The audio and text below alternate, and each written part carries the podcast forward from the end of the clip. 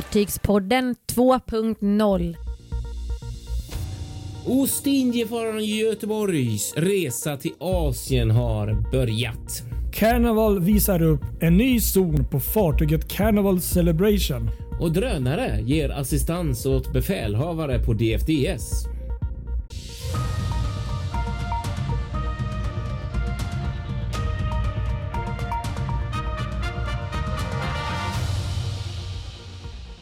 Ja, nu sitter vi här. Ny vecka. Fartygspodden är tillbaka. Kristoffer Kullenberg Rotvall heter jag i Göteborg. Patrik Leinell på en hemlig ort utanför Stockholm och det är vecka 23 vi ska avhandla kan vi tillägga. Mm, precis, och det är sommar Ja. nu. På riktigt. Det är det verkligen. Det är, eh, börjar närma sig faktiskt mitten av den första sommarmånaden. Nästan hemskt Ja. att säga så, men så är det Jo men faktiskt. faktiskt och det, det känns ju som att den här riktiga mm, sommarkänslan, värmen har eh, börjat komma nu på riktigt här. Det var lite så här, maj var väl inte jättemycket hurra för och eh, första dagarna där i juni var väl inte heller så mycket kanske tror jag, har för mig. Nu är det så grönt det kan bli. Det var, det var ju en liten happening här i veckan också. Ja, det var det ju. Som, som var lite, det är ju verkligen sommar fast i skärgårdsmiljö. Ja. Kan jag väl säga det direkt. Jag var i, iväg i Vaxholm här utanför Stockholm Mm. och eh, det var skärgårdsbåtens dag tror jag det heter. Just det, precis ja. Då åkte jag ut och mötte upp den här armadan med de här gamla riktigt fina, jag tror inte alla är ångbåtar längre men de är, de, de är ju klassiska skrovet och allt det där är kvar. Så att eh, det var, Ja. nej, det var riktigt fint att se faktiskt. Det är, mm, mm, det är helt fantastiska fartyg och det är så vackert när de kommer in där till Vaxholm. Och, du vet, hela kajen är fylld med människor. De har lite happening. och Eh, kul att se att det ändå är en tradition som eh, folk verkar uppskatta. Och om jag inte har fel så var det väl första gången på två år också. Jag tror inte de har haft det här under pandemin. Så att, Nej, det tror inte jag heller. Mm. Nej, men precis, exakt. Och du åkte väl också, du åkte väldigt, väldigt rolig, du åkte ju med, med den här nya det katamaranen roliga med också. det är att jag faktiskt eh, fattade det först efteråt. Att det var ju den du hade varit och tittat på för några veckor sedan. Och haft med i, i, Mm. i, i tidningen. Jag såg ju i tidningen där ja, några dagar sedan. Ja, tidningen Skärgårdsredan, precis exakt. Och, och så var, men vänta, det var ju den jag var ombord på. Ja, Men den var exakt. jättetrevlig måste jag säga faktiskt. Syreni, det är ju eh, Stavsnäs båttaxi och skärgårdstrafiks nya båt som de kör på sin linje från Stavsnäs till eh, Sandhamn. Men så gör de även lite andra specialgrejer med den. Som sådana här. Bland Ja, det. fågelskådarutflykter. Ja. Och, så, ja, och så detta då eh, var ju superkul arrangemang. Så det blev lite annorlunda så här. Istället för att åka med in från stan ut till Vaxholm så kunde du åka och möta dem allihopa. Så det var ju fantastiskt. Ja, vi mötte ju faktiskt upp dem i, nu kommer jag inte ihåg vad stället heter. Du vet den här stranden där vid eh, Lidingö som vi har varit nu vid. Mm, just det. Precis där eh, Älvsnä. Ja, Älv- precis. Älvsvik, va? Där utanför åkte vi som längst och så vände vi. Så det var ju faktiskt en ganska bra bit. Det var ju riktigt kul. Ja, Ja. Ja, Nej, men jättefint och roligt att se. Och så fick jag faktiskt gå ombord på den här. Jag tror det är Norrskär den här riktigt fina. ja, jag såg stora. dina bilder. Ja, de är Eh, som jag fina. Tror även du har det som en dröm att någon gång få åka på riktigt också. Mm, faktiskt. Det Så vacker. Men, det har vi eh, kvar att göra faktiskt. För det, det där är kul. Riktigt roligt. Så det, det, det var ju också ett riktigt sommartecken. Skärgårdsbåtarna, gamla klassikerna, är igång igen. Ja, ja, ja. Precis. Superkul. Veckans fartyg. Men du hade ju, också, du hade ju något annat roligt Ja, här i veckan. Men Här har också varit event kan jag säga. Ja. Mm. Eh, Event efter e- Nu är det ju så. Nu, Dels är ju suget efter event enormt efter pandemin, men det är ju sommar också så att allt händer verkligen nu.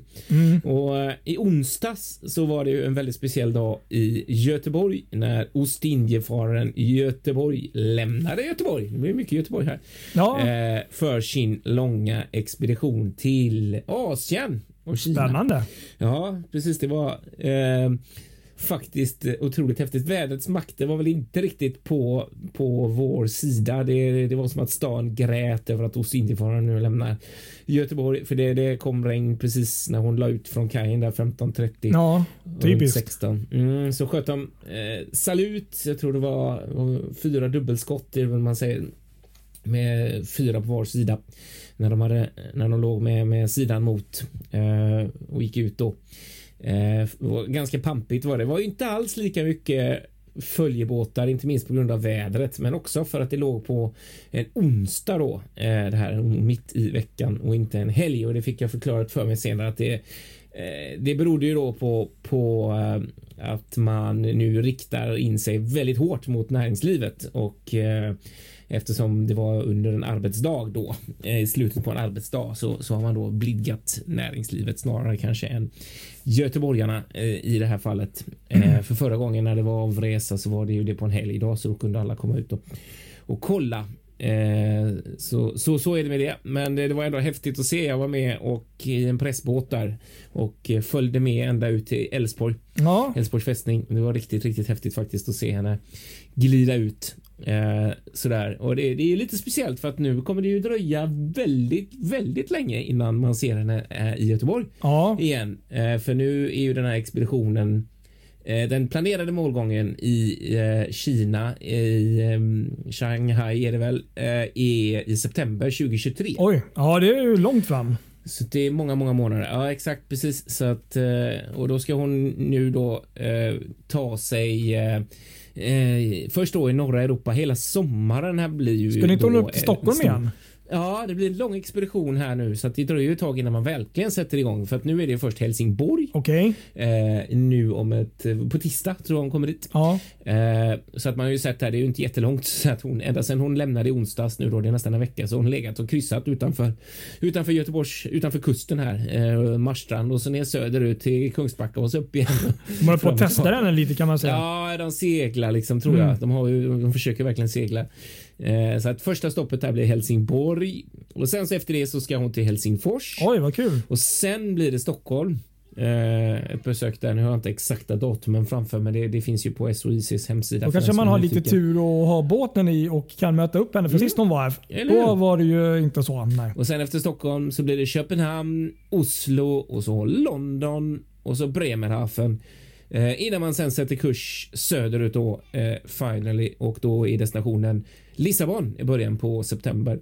Eh, och sen ska det bli ytterligare fyra stopp i eh, Medelhavet innan det vankas vinteruppehåll. Fartyget ska ligga, eh, ligga under vintern då stilla i Medelhavet. Okay innan resan sen eh, till våren 2023 fortsätter mot Asien. Då. Det är ju då det verkligen egentligen börjar kan man väl ändå säga. Kommer de gå igenom Suezkanalen då? Ja, precis. Det blir ja, genom Suezkanalen. Lång sträcka att dra runt hela Afrika menar Ja exakt, men då blir det inom Suezkanalen in i Röda havet mot Dibjo, vad heter det? Djibouti heter det. Och sen över Indiska oceanen till Indien, sen Singapore, Vietnam, Hongkong och slutligen Kina då. Så att eh, så så är det. Så det är en lång, lång, lång eh, resa som är planerad här faktiskt och det är ju, men det är riktigt kul. Men det är också så där tråkigt också för att nu som sagt september 2023 Eh, kommer hon dit och sen så är ju fartyget där då och kommer att ligga där ett tag innan ens och det vet man inte ens. Det är inte planerat ännu. Nu jobbar ju de då med den här ja, resan. Hon ska tillbaka. Och säkra alla etapperna, säkra näringslivet, säkra hamnstoppen, säkra personal, jungmän och besättning och allt sånt där på vägen dit. Sen så vet man inte riktigt vad som händer sen. Det är inte klart liksom så att det kan ju dröja ett tag innan hon är tillbaka här. För jag menar om det tar minst ett år att ta sig tillbaka så är vi på i alla fall i 2024 som bäst. Ja, jag tror nog 2025 eh, tror jag låter nog mer rimligt. Ja, till och med det kanske. Ja, exakt till och med det. Och det finns till och med de som spekulerar i att fartyget, om fartyget ens överhuvudtaget kommer komma tillbaka. Oj, ja, den var eh, inte så. Men det där är ju bara spekulationer ja. såklart. Men, men det, det, det är ju verkligen förhoppningen att, att fartyget, och det, det finns ju också från ägarnas sida, eh, Green Carrier som numera äger Ostindiefararen där och bolaget och bolaget som driftar. Eh, de vill ju att fartyget ska segla det är liksom deras ambition. Eh, så att då är ju förhoppningen att det även finns en plan då för att fartyget ska få komma hem också. Och Det är ju fantastiskt fartyg och spännande historia bakom. Och att, eh, för jag tänker det är klart att sådana här expeditioner och sånt det är väl antagligen då massor med eh, folk som då har sponsrat då antar jag. Ja, men, det men jag tänker ju också att, och det, det vet jag att de gör, men, men jag tänkte det måste ju ändå dra jäkla mycket folk och intressen när hon kommer till de här nya ställena. Så jag tänker att mm. de borde kunna få in en bra summa för sådana grejer. Och när de, ja, när... ja, men exakt. Mm. Precis. Det är ju verkligen förhoppningen. Och de, jag vet, jag pratade med dem där nu så sa de ju det att många av dem som jobbar, för det, är ju, det har gått 17 år sedan, sedan förra expeditionen nu. Oj, är det så mycket? Eh, 20, ja, 2005 till 2007. Eh, och det är lite roligt för fartyget eh, är ju 19 år gammal nu och fy- fyller 20 nästa år. Eh, och, och, ja, men det roliga är ju att de, de i Kina till exempel som var med då eh, i hamnarna och jobbade när Ostindiefararen kom första gången. Många av de personerna jobbar fortfarande kvar kul. för att man, man har en sån lång, man jobbar ofta kvar på samma arbetsplats väldigt länge där borta och då, då så det är samma människor. Här är ju det helt nytt gäng i Sverige. Det är ett helt nytt eh, koncept. Det är ju ingen kvar från gamla tiden. Några enstaka är väl kvar. Det finns ju allt nordiskt kan man ju ändå säga. Det finns ju några som varit med först också som varit med och uh, jobbat med riggen och liksom lite så här. Men, men just organisationen runt den, den är helt ny. Ehm, men, men det roliga är att det, det finns ett fortsatt stort intresse i Kina. Det, de, de vill ju verkligen ha dit fartyget och det, tycker verkligen att det, det är liksom ingen tvekan när de hör av sig. Så det, det är ju väldigt roligt att höra. Ja, verkligen. Jag kommer ihåg lite smått där, det var en sinnessjuk eh, siffra när de kom första gången till Kina. Jag för mig att det var någon så här 100 plus miljoner tv-tittare som följde det live. Liksom. Och det är ju ganska häftigt för en, för ett segelskuta. Liksom, att, eh, Ja, det, hade man ju knappast så. haft Så i, det, kanske, ja, i Sverige är det lite svårt när det inte bor 100 miljoner där. Men, men du fattar vad jag menar. 100 miljoner Mm. tv-tittare. Det, är, det är ganska bra ratings. Liksom. Ja, det är det verkligen. Precis. Nej, men det engagerar verkligen. Det var lite roligt också. Men det är också så här du, dubbla känslor. För det var en av de eh, killarna som körde den här pressbåten kom från ett liten eh, utflykts... Eh, eh en liten utflyktsbåt från Hönö som själv hade varit med och seglat hos Indiefararen då eh, när det begav sig 2005. Eh, han hade varit med på hemresan eh, och kört bland annat eh, genom Suezkanalen till Nice, den etappen. Och han, han var nästan upprörd över att eh, nu lämnar Göteborg. För han tyckte herregud, det här är det finaste vi har i Sverige. Det bästa turistmagneten. Och så lämnar den. Det är inte klokt. Ja, jo, men det ligger väl lite, kan väl ligga lite Det ligger ju lite i det. Ja, det gör ju det. Samtidigt som man då tycker också just att det är ju fortfarande ett seglande fartyg och eh, och kan väl få segla så länge Jo, som det är väl roligt så, Så också. får vi hoppas att det... Att det, som Ja. du säger, att det inte bara ligger still och Eller måste hur? dra in pengar också. Och hon var ju Ja, byggd det är för att Precis, exakt. inte bara ligga still. Så att det var... Eller hur? Precis, men jag menar tänk själv ändå. Jag menar 20 år för ett träfartyg. Det är ganska mycket. Nu har de ju jobbat slitit verkligen häcken av sig för, för att renovera. Jag har ju varit med där flera gånger för Sjöfartstidningens räkning och sett när de har eh, bytt master och de har grejat med rå och allt möjligt. Eh, men det är, ju, det, är ju, det är ju inte lite arbete som behöver göras för att hålla ett sånt här fartyg i, i skick liksom, i trä. Liksom. Så att det, det, ja, det, det är ju det som gör också vad som händer härnäst. Och jag menar, en sån här expedition till Kina, det kommer ju slita jättemycket. Det kommer vara jättemycket underhåll som behöver göras. Så det, det, det, man fattar ju att det kostar pengar. Ja, jo, också. det är ju det. Så Det är tyvärr inte gratis. Och många arbetstimmar som också kostar Nej, lön. precis. Så att, finns, finns det någon eh, hemsida, det kanske du sa där, som folk kan följa där? Ja, men det går ju faktiskt. De är rätt duktiga på sociala medier också att uppdatera. Eh, man kan söka på SOIC eller bara söka på Stinje från Göteborg i sociala medier så hittar man ju eh, massa spännande. Ah, faktiskt. kul! Roligt. Så så är det. Mm.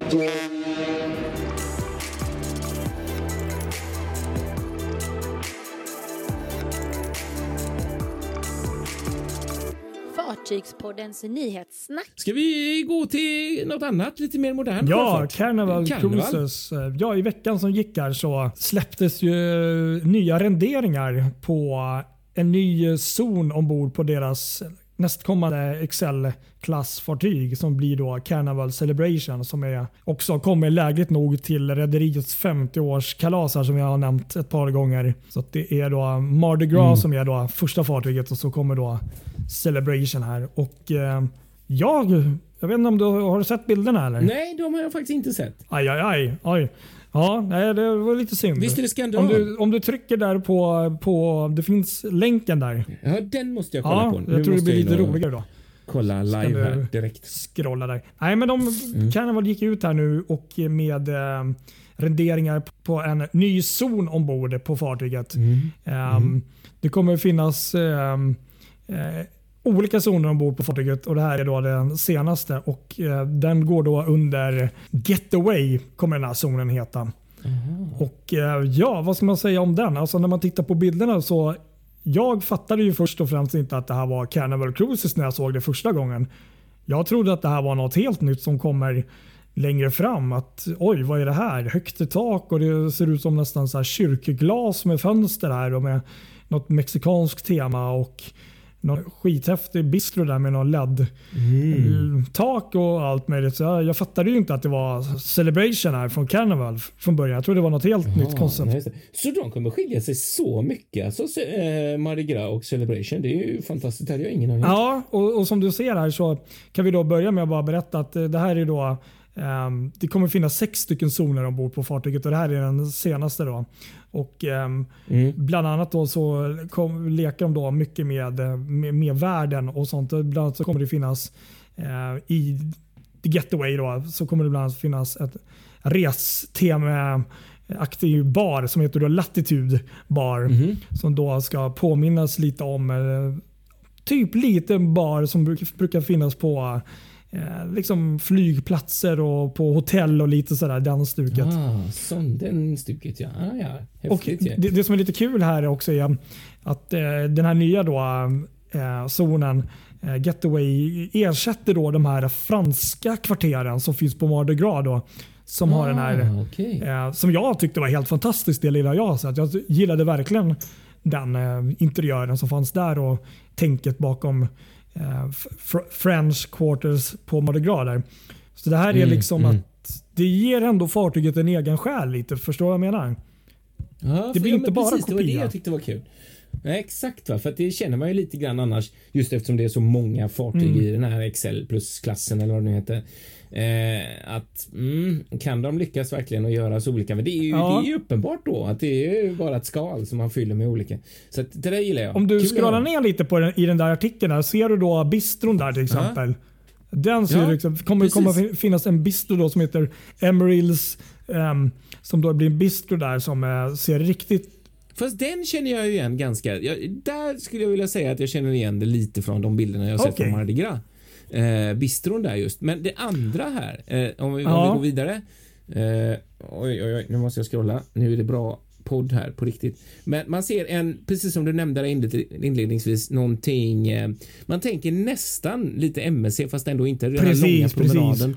Det är eh, special-LED på, på fönster som ser ut som, ja, Ja. nästan som en kyrka och det är lite dova och det är två etager nästan. Det, Det den tyckte, det var den bilden jag sett fastnade för speciellt. Ehm, att, Mm. ehm, jag tror det, jag, vet du vad jag tänkte på när jag såg det först? Jag tänkte nästan lite Nej. så här, saluhall. Li, lite känslan. Ja, Väldigt högt i tak. Ja, Eh, det står att Ja, det stod inte riktigt hur högt i tak, men det stod att det var ett 12 eh, feet de här um, fönstren. Att de är så höga. Så det är väl cirka typ 3 meter höga. Bara fönstren. Så det är väl säkert Mm. 7-8 meter i tak där. Och att det är liksom öppna, Mm. liksom, som en öppen restaurang med barer och, och sånt. Och så ja, men Lite kyrka men ändå inte. Och, och Sen läste jag här också att eh, tydligen så kommer de där glasen, då, eller de här, det är ju LED-skärmar. då. Att det kommer kunna ändra liksom eh, karaktär under resan och under kvällen och sånt. Så att det inte kanske, det kanske är mexikanskt ena Ah. stunden och sen kanske det blir något annat senare på kvällen.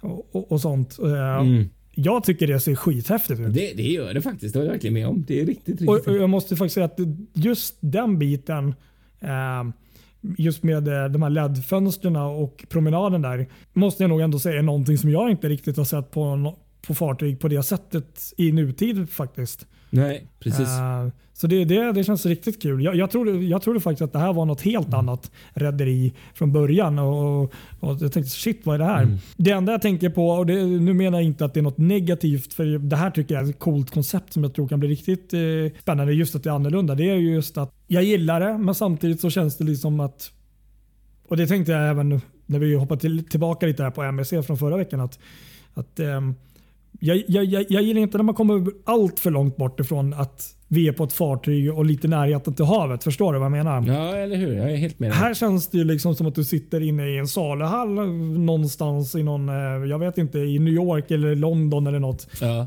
Och, och Det är jättebra på alla sätt och vis, men, men, men eh, du har ju ingen, eh, utifrån vad jag ser här i alla fall, utsyn till havet eller att du är ute på sjön. Liksom. Nej, men precis. Ehm, precis. Det är väl det enda jag kan tänka så här, utan det lilla jag har sett på bild. Där, att, att så, men, men, men om du, sen kan du bara scrolla vidare där, du kanske gjorde det och kolla på atriumet där. Ja, Som har- kommer ha ett purpose. Alltså, mm, kommer användas till olika grejer beroende på dag och när det är natt. och Sånt. Det ser ju lite mer ut som de här du vet, Iona och lite mer som på eh, MEC men även på, eh, jag tänker på um, eh, Quantum-klassen där på Ja. Royal Caribbean. Att Ja, eller hur? Precis. det känns ändå lite mer som kryssningsfartyg och även om det är någon modern tappning. Liksom. Mm, precis så. Exakt. Ja, men där är jag helt med dig. Verkligen. Ja, men riktigt eh, kul eh, måste jag säga. Och det ser ut som att det är tre, tre däck högt det där nästan. Man ser ju att det är, eller om det är ett däck som är väldigt lågt bara, men det är ja, nej, tre, tre däck. Ja. Ja. precis. Så det är ju väldigt högt liksom det där atriumet Sen, med det där fönstret. Sen om du scrollar ner lite till, nu, nu får ni ursäkta, vi, vi- vi får nog lägga upp en länk så att ni ja, vi också måste göra se. detta för ni, lyssnarna, stackars er, ni hör förstår Ja. ingenting här. Men, men, men så gillar jag den här 82 eh, Biscayne, den här promenaden där du vet, som är utomhus. Ja, De där precis, den däcken såg är jag. fantastiska. Mm. Det är Det faktiskt kommer riktigt, ligga någon riktigt bar där och, och, och Red Frog Tiki Bar. Måste säga Mm. det, och Carnival en, en gång och Red Frog baren, alltså den är fan rolig alltså. Den är riktigt mysig. Ja, kul. Ja, men det är väl de som har det. De har ju ett eget bryggeri Ja, ja men det har de. Och, Med som samma- heter Red Frog och det, den är Ja, precis. Det faktiskt jag jävligt det. gullig om, jag, om man nu får lägga till det. Ja, det får man. Nej, men, men man kan säga nu, kanske lite svårt att hänga med på allt här, men, men vi ska lägga upp bilder. Men, men det, den stora grejen var att det, det kommer heta eh, som sagt eh, kvarteret där och eh, det blir en helt ny zon på båten och spännande nog så är det en ganska stor skillnad från Mardi Gras och Mm. Ja, mycket är tänker jag också. Det, det ser vi fram emot. Jag tror det kan bli riktigt bra det där. det tror jag med. Alla dagar i veckan. Du hade någonting kul om eh, drönare. Det här var spännande faktiskt. Det vet jag vi har nämnt tidigare i podden. ja, jo, men det har vi. Men det var ett tag sedan, eh, så det är dags att förnya och nu har det verkligen blivit. Nu är det inte bara ett koncept längre utan nu har det blivit eh, eh, verklighet. Ja. Det är ju DFDS som ligger i framkant när det kommer till utrustning, eh, hur man navigerar. Jag tror att i och för sig det har provats på andra delar, i, bland annat i, när man kör i arktiska förhållanden och så där så kan man använda drönare för att kolla isläget, men kanske Ja, men inte riktigt på det här sättet. Ja, för nu blir DFDS först i vägen, världen, inte vägen, först i världen med att introducera eh, ögon i himlen. Ja, med drönare helt enkelt i samband med förtöjning eh, i samband med an ankomst. Är det väl i huvudsak det är tänkt att användas som eh, ett system som för att eh, ytterligare ett, ett system som hjälp för be befälhavarna då. Och det här testas nu då för första gången på ett av DS, DF, DFDs eh, fartyg Zelandia eh, Seaways. Där Ja. man nu har, där man nu har då installerat en liten, ser ut som en liten låda då. Eh, med, det är ett företag som heter Upteco som har eh, ett drönarsystem då med en liten låda som, som helt enkelt då på något sätt när man när befälhavaren vill ha det trycker igång den och så flyger den upp och så lägger den sig eh, på, på, på en höjd då eh, över så att man liksom kan se exakt eh, fartygets position eh, i real, realtid uppenbart eh, och hur det befinner sig i förhållande till kajer och till, till eh, pirar och sånt där och hur nära man är på ett helt annat sätt än vad kameror kan göra. Eh, så det är ju faktiskt ett väldigt intressant eh, komplement och jag är ju Ja, ja, som du säger, vy liksom. Det är klart att de har från bryggan och sånt. Men, men, men det blir aldrig samma sak som om du är kanske 50 meter upp. Eller 100 meter eller 70 meter upp längre bak akterut. Och så. Klart att de exakt får va? bättre vy så. Ja, men det är häftigt. Ja, verkligen. Så att de kan komma upp då. Det är ju samma regler som gäller för alla drönare. Att de kommer upp 120 meter eh, ovanför och då får man ju faktiskt ganska fin vy. Att du kan ligga precis över eh, sidan där så du ser precis hur. Men då hur, antar jag att det är någon som alltså, ur besättningen som ska köra den här drönaren då. Ja, det där är ju jäkligt intressant för det är jag inte riktigt, riktigt med. Det skulle jag vilja veta lite mer om hur den Och sen på något sätt så För att- förs bilderna över, tänker jag då, rent generellt till en skärm på bryggan. Ja, så, ja, så fattar jag det. att Befälhavaren har det eh, när han kör Mm. fartyget liksom. Som en Precis, precis. liksom på en skärm. Sen så måste det ju då rimligtvis vara någon Ja, annan jag tror inte det är kapten för som Befälhavaren har ju fullt upp, nej, han har ju fullt upp med att köra eh, fartyget. Så att någon annan är det helt enkelt som, som styr drönaren. Men det hade varit spännande att veta lite mer om det faktiskt. Jo men precis. eh, För det, Verkligen. Men det jag tänker också på är ju lite intressant hur Som också är, det är många frågor som ploppar upp eftersom jag är lite drönar. Jag är ju drönarmänniska ja. själv här. Eh, och jag vet ju många gånger när man varit nära och flugit fartyg att ja, de där fiskmåsarna som kretsar omkring. Det är inte alltid det har aldrig hänt mig, men jag vet ju andra som har råkat ut för fåglar som blivit lite aggressiva mot drönare. Och eh, sen väder och sikt och sånt där också. Inte alltid att det är optimalt och så där. Så det finns många så här frågor som hade varit kul att höra lite mer om hur, hur man tänker sig att detta ska kunna. För jag tänker att det inte alltid förhållandena är optimala. Ja, men så är det väl och då får man väl antagligen bara anta att man får väl köra som man alltid mm. har gjort att man eh, använder de systemen. Jag, vet inte, jag, antar att lastfartyg och färger har väl någon form av kamerasystem akterut också så att de så att ja, de blir inte helt blinda. Då. Det är väl bara att det här blir väl ett extra Nej. plus. Liksom.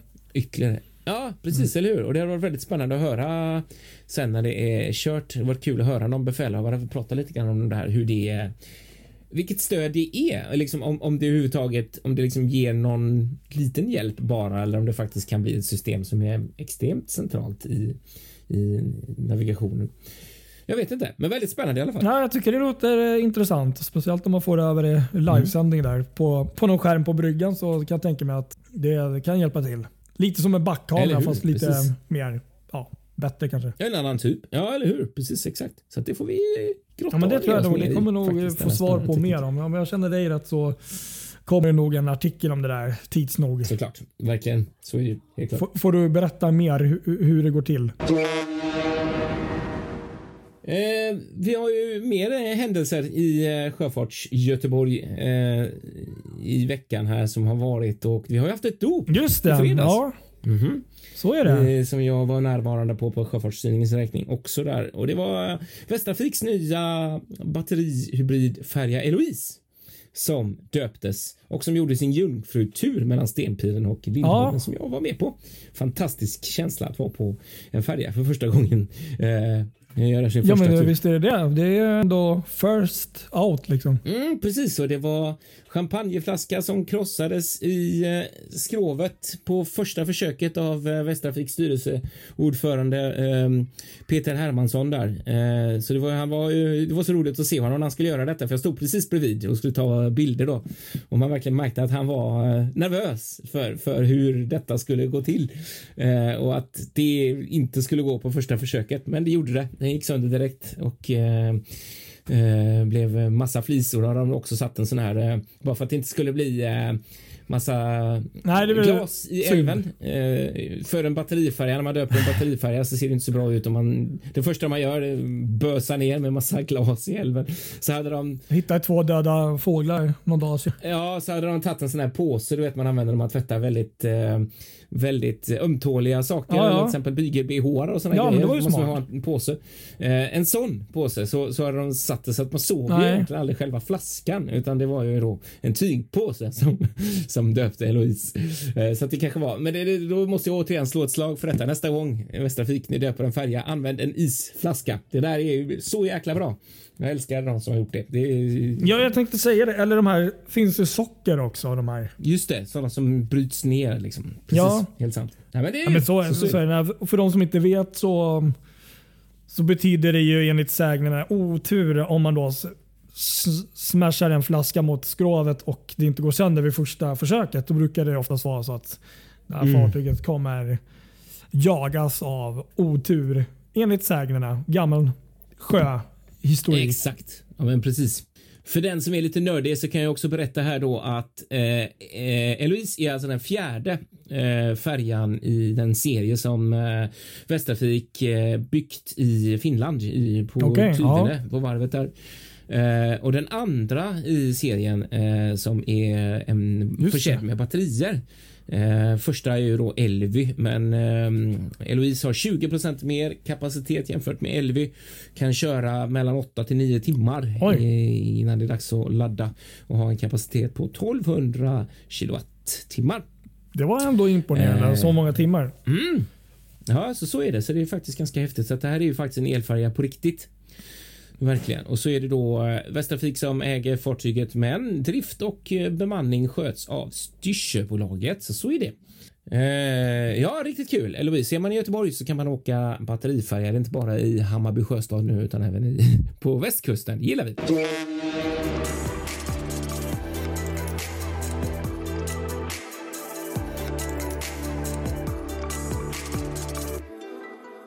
Fartygspodden noterar. Ska vi gå in på lite noterade händelser från veckan? Det kan vi göra och nu äntligen så är hela Disney glada. För nu har Disney Wish, Mm. deras nyaste fartyg, officiellt levererats till rederiet från varvet. Ja, precis. Det var en ceremoni här i torsdags och då Disney Wish är femte fartyget för rederiet. Kanske den största nyheten, det finns väl mycket ombord, men det är att det är också även rederiets första LNG-drivna.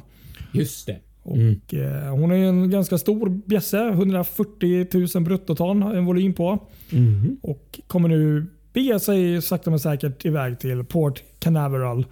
Och, eh, två fartyg till i samma klass väntas bli klara 2024 och 2025. Så tre stycken fartyg i den här nya Disney-klassen är att vänta. Och Jag tror också de andra var LNG. Så att, eh, Mm, just det. Ja.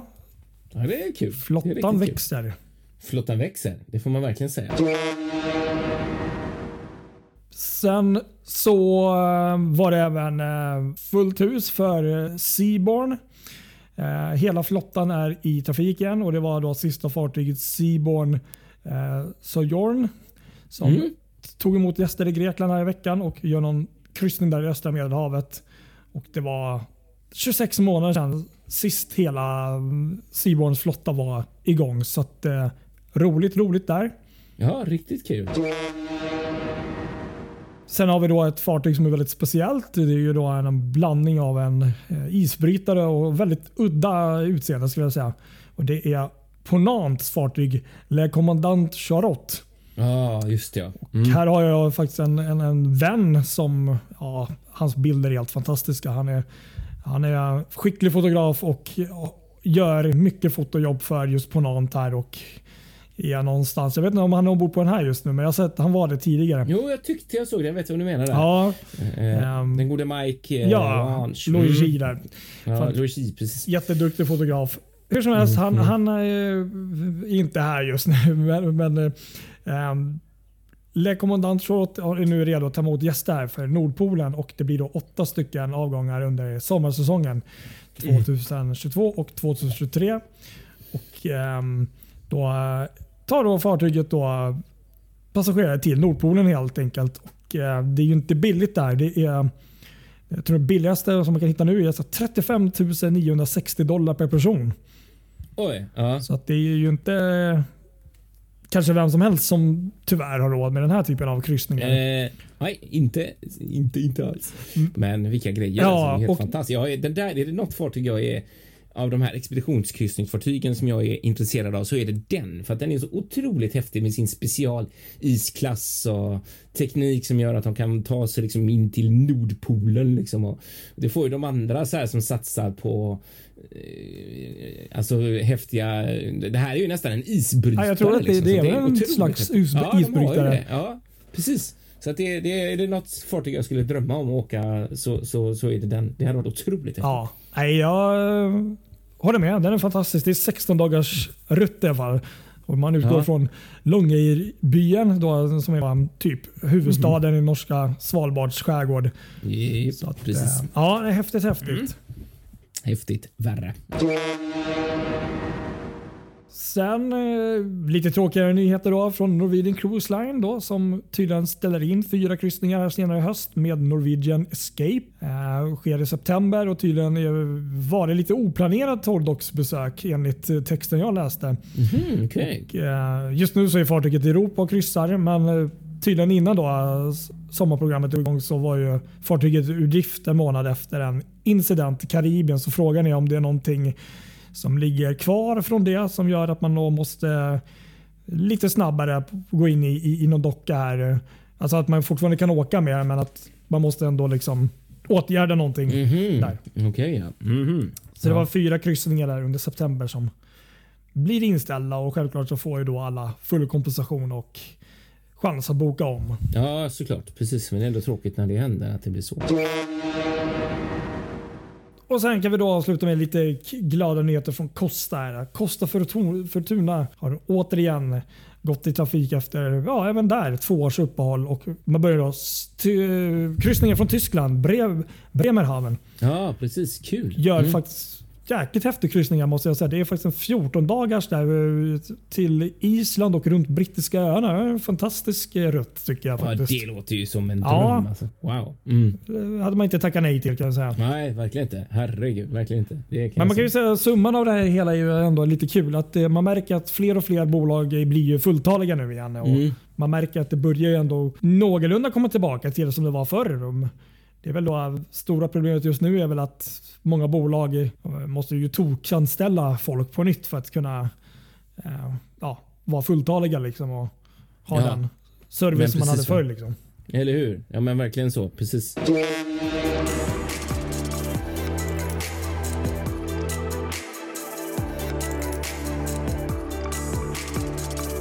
Gränslöst djupgående. Jag tänkte på en sak och det är ju alltid spännande när man sitter och ska boka kryssning. Eh, en sak, det är ju hur man ska bo. Eh, ja, men så är det ju. Då menar jag kanske inte alltid valet av hyttkategori, för det är, ju, det är ju kanske den första frågan man måste ja. som man står inför vilken typ av hytt man vill bo i eh, beroende på vilket sällskap man reser. Och det har vi ju pratat om tidigare där, om det är balkonghytt eller inside. Ja, men precis. Jag tror det var lite det du var inne på igen, så jag tänkte mm, ska ja, vi köra? Nej, nej du tänkte jag en annan grej. Ja, jag har tänkt längre. Jag tänkte vi skulle fördjupa det ännu mer för ja. nu är ju nästa steg när man valt eh, vilken typ, säg då balkonghytt, för det är det man oftast vill. Då kommer nästa delikata fråga. Var ombord ska man bo? Vilken, för att när man bokar en kryssning så har du oftast möjligheten att välja exakt vilken hytt du vill ha. Eh, och den där är tuff faktiskt. Där sitter man faktiskt ofta och tänker så här. Hmm, Just det. Ja, men om vi då tar en hytt förut eh, i fören ska man då ha ha i fören? Vilket däck ska man ha och vilken sida, styrbord eller babord eller liksom Ja, du vet, det är mycket sånt som man måste försöka besluta och då det är ju inte bara så här just rent ur eh, fartygsnördgrej, för den är ju en viktig grej att försöka tänka lite. Hur ligger fartyget i respektive hamn? Kommer jag ha om jag bokar här kommer jag mestadels ha kranar eh, eller kommer jag ha lite havsutsikt när jag ligger i hamn? Kanske man kan se lite fartyg från balkongen. Eh, och likadant när man är ute då och åker kanske det kan vara vilken, vilken, vilken sida ska jag välja på för att ha mest solnedgångs... Ja, du vet. Ja, men precis. Ja. Sådana saker. Jag är jäkligt eh, inne på att försöka beräkna så mycket jag kan. Men det, det äter ju... Man sitter ju hur länge som helst för att försöka kolla ja, sånt Det är ju ett helt kalk kalkylsystem ja, här, hör jag. Men det är det. Ja, men verkligen. Och så får man fundera på just vilket däck och det är inte alltid så där det är också ibland, man vill ju gärna, i alla fall tycker jag det är gott att ha en hytt som ligger väldigt nära ett trapphus. Ja, De det tycker jag är bra för att då kommer du alltid upp och ner ganska lätt och du slipper kanske gå i så många långa gångar. Eh, länge, länge, länge och så kanske man får tänka, kolla lite grann till exempel hur bufférestaurangen ligger om det kanske är så. Eh, någon gång när jag åkte MS till exempel så hade vi en balkonghytt eh, ganska mitten vill jag minnas att det var och så var det ett trapphus och så var det bara ett par våningar så var man uppe i buffén. Just det. Och ja. det är nog bland det bästa rent logistiska som jag har haft. Det är sant, ehm, just det. Ja, så att lite så får man ju tänka. Sen får man ju också då väga det mot utsiktsfrågan och såklart tillgången för att det är inte alltid som det finns så gott om hytter att man kan välja precis hur man vill. Ibland så kanske det bara finns ett par att välja på i den kategorin man har tänkt sig. Um, sen om man är extra nördig, du vet vad man kan göra då? Nej. Nej, då finns det ju sajter som man kan gå in på. Man kan googla hyttnumret. Då ska man gå in på sajter och försöka se bilder på just ja, den just hytten på just det fartyget som man tänker åka med. Det där är kul också. För det är, ofta så är de kanske ganska lika, men det är, man vill kanske se precis just hur eh, hur utsikten ser ut från den balkongen. Där hade ju du eh, om det är någonting som är i vägen och du vet hur, hur vyn är förut akterut och sånt. Sånt vill jag Där gärna se. att, och det, där kan man gå in på Youtube ibland för att ofta finns det ju folk som gör sådana kabin eh, eh, reviews eh, från vissa fartyg. Ofta är, oftare är ju sannolikheten större att man hittar en sån om det är en lite om det är någon form av svit eller något sånt där. Då finns det garanterat. Men även på vanliga balkonghytter så finns det faktiskt påfallande ofta videos på just de hytterna. Så att det är ett tips. Ja, det är väldigt Så, smart. och Det har jag faktiskt inte tänkt på Ja. riktigt själv. så. Mm. Men, eh, nej, men det är väl bra idé där. Jag tänkte själv bara när jag åkte sist där att eh, lite så tänkte jag väl också där att eh, valde en hytt som var väldigt faktiskt två grejer alltså, tog upp som låg väldigt långt fram i båten. Och Det gjorde Mm. jag ju bara av den anledningen att jag ville kunna se någorlunda föröver framåt när man åker. Ja, precis. Det var det och så jag kom på hela Ja. den grejen. För det var ju så jag hörde dig förra avsnittet när du berättade om hur Och- du eh, valde. Och så var det också att det var väldigt nära den främre, absolut längst fram trapphuset. För att det, ehm, visst, man kanske inte vill ha dörren precis vid trapphuset. Man kan ha några dö- dörrar hit eller dit bortom det. Slipper man ju allt spring. Mm. Men, men det är väldigt det är ju stora fartyg och har man eh, liksom, att, ja, som du säger, trapphusen är ju ganska bra riktlinjer även när du är liksom nere i fartyget. Och sånt. Och Sen eh, tänker jag också så här att ehm, ett val som jag hade där också, det var ju att det var långt fram. Men många av de här jättesuperstora fartygen har ju väldigt så här um, spännande design. Så att oftast så går ju fartyget inåt lite i mitten av fartyget. Så kan det vara några sådana segment. Fördelen med att ha en hyttbalkong där det kan ju vara bland annat att i och med att eh, din hytt ligger liksom lite längre in i att kanske vind och sånt. Du får lite mer vindskydd. Nackdelen då är väl oftast att du inte ser för över eller ibland akterut för att då är det liksom byggnaden av fartyget går ju ut där. Ehm, Så det enda du ser är just den vyn du har utanför plus balkongerna. Jag är lite Mm. anti det nu känner jag. Liksom, för Jag vill gärna kunna se akterut eller förut när jag åker. Ehm, Sen Ja. också när man, som sagt de här fartygen är ju så jäkla stora. Att vissa av de här balkonghytterna som man tänker så här högst upp ska ju vara bäst. Men ja, det är det inte alla gånger för att många av fartygen har ju oftast soldäck som går ut. Och då, då Just kan det, det, vara så att du precis. sitter i princip en hel resa i skugga och det kan ju vara skönt. Men om det är mindre varmt så kanske det inte är så jäkla roligt att ha en eh, balkonghytt på däck 19 eller något som är ett, sen täckt med ett soldäck som folk springer på. Mm. Så jag skulle nog välja lite i mitten där om jag nog skulle titta på sånt där faktiskt. Att, Ja, det är Ja. faktiskt smart tänkt. Ja, och sen tänker jag det där, Ja, det. för det, det vet jag att många, det är väl drömmen på något sätt att ha en hytt. Du vet, oftast är det ju sviterna då, för över. Men Ja. det man inte tänker på oftast när ett fartyg går i 20 knop och det är lite vind, det är att det blir en jävla mycket blåst åt andra sidan. Ja, det blir ju det. Så då Precis, tänker jag lite precis, som precis, du en gång verkligen. hade, om jag inte har fel på Celebrity, att för över är ju kanske i drömmen, men jag tänkte akterut, för där borde du ändå ha någon form av ganska bra med vindskydd i och med att det är det sista du har Mm. på båten. Exakt så, precis. Ja, men verkligen. Det är helt rätt tänkt. Så det, det är mycket sånt man faktiskt får eh, lura på lite grann. Om man, eh, det är inte bara att välja. Det tycker inte jag i alla fall, utan man är väldigt noga eh, med många parametrar att väga in. Det finns välja hur mycket som helst också. Duschstrålar, duschen, eh, allt möjligt. Eh, Precis. nej men eh, så är det. Så att det, det. Det kan vara värt att kolla upp det där lite om man nu eh, tycker det är intressant. Och man kan ju faktiskt göra några mindre, mm, kanske bättre val utan att behöva betala några extra pengar bara för att lägga några mm, minuter på, på en däckplan. Så att eh, Mm. det är ett bra tips tycker jag. Ja, ska vi säga så? Ja, men det för gör den här vi. veckan. Så um, Mm. får ni gå in och lyssna på våran podd och eh, följa oss på våra sociala medier. Kanske vi hörs nästa vecka. Det beror lite Mm. på, eh, på dig där. Du kanske inte säger så mycket Ja, nu. Du får kanske berätta precis. sen. Nej, men det är precis det. Vi kan återkomma till det, men jag tänker ju spontant Okej, att det ska okej. inte vara några problem Nej, nej. att spela in nästa vecka också. Får göra ett litet vi, special då. Vi har, vi, har, vi har en liten, Mm. liten cliffhanger där. För Kristoffer ska Ja, iväg på en riktigt häftig Precis. grej kan jag säga. Och det är inte Mm. ehm, den här uh, vägfärjan. Precis. Ja, vi får se vad det blir. Precis, exakt. Ni får höra. Vi, eh, vi hörs igen Precis, jag gjorde en cliffhanger. Nu får ni-. Lyssna nästa Mm. vecka också. Ha det bra allihop. Ha det så gott Vi hörs. allesammans.